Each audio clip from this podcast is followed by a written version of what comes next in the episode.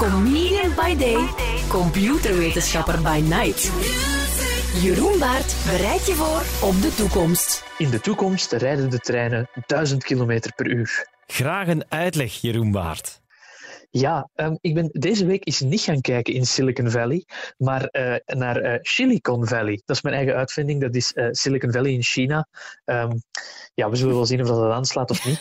um, in, China, in China hebben ze nu al treinen die 431 km per uur kunnen rijden, maximumsnelheid. Om dat even tastbaar te maken, dat is Brussel-Antwerpen in minder dan zes minuten. Dat klinkt al geweldig natuurlijk. Daar kunnen wij hier in België alleen maar van dromen. Maar ze zijn daar nu een trein aan het ontwikkelen die tot 1000 km per uur zou moeten kunnen halen. Dat is minder dan drie minuten tussen Antwerpen en Brussel. Wow. En, en daar, zou die, daar zou die rijden van Wuhan naar Guangzhou, voor de mensen die bekend zijn met het Chinese platteland. Nope. Goed, um, ik ook niet. Hoe kun je dat doen, een trein zo snel laten rijden? En dat is waar dat het clevere komt. Je wilt eigenlijk zo weinig mogelijk wrijving op dat treinstel. En die treinen dat daar nu al rijden, die, die uh, zweven al op magneten. Dus je, je stuurt een stroom door een spoel en daar wordt een magnetisch veld ontwikkeld. En zo over die hele track um, wordt, zweeft die trein eigenlijk. Dat weten jullie nog allemaal uit de basislessen fysica. Zeker, zeker, zeker. Zitten. Absoluut, ja. Stroom, Ja, stroom door een Die kleine opfrissing was helemaal eh, niet nodig. Ik wist het Ja, nog absoluut, allemaal, ja. Jeroen. Ja. Inderdaad, ik wist, ik wist dat ik aan jullie de wetten van Newton niet nog eens zou moeten uitleggen.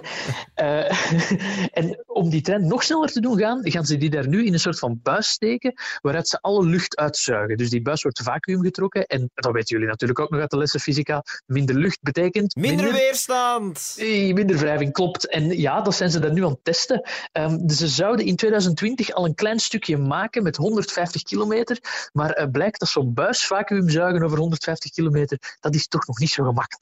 Dus ehm, het, het, we, zullen, zien wat dat ervan komt. Voor de mensen die luisteren, die kennen misschien dit idee, is ook een Elon Musk idee. Die is aan het proberen in Los Angeles, maar die loopt tegen eh, geldproblemen en, en technische problemen en zijn eigen ego een beetje aan. Dus het kan zijn dat de Chinese vrienden hem voor zijn.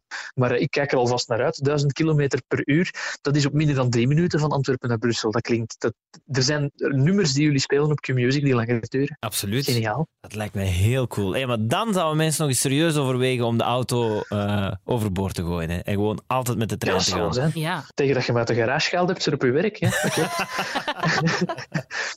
Dus ja, ehm, voor, mij, voor mij is het alvast helemaal oké. NMBS, eh bel eens naar China, dat we dat hier ook meteen kunnen installeren. Want in de toekomst rijdt de trein 1000 kilometer per uur. Dankjewel, Jeroen. Tot de volgende. Tot de volgende. Salut. Yo. Luister elke werkdag tussen 4 en 7 naar Maarten en Dorothee. Volgende dinsdag bereidt Jeroen Baart je opnieuw voor op de toekomst. Q sounds better.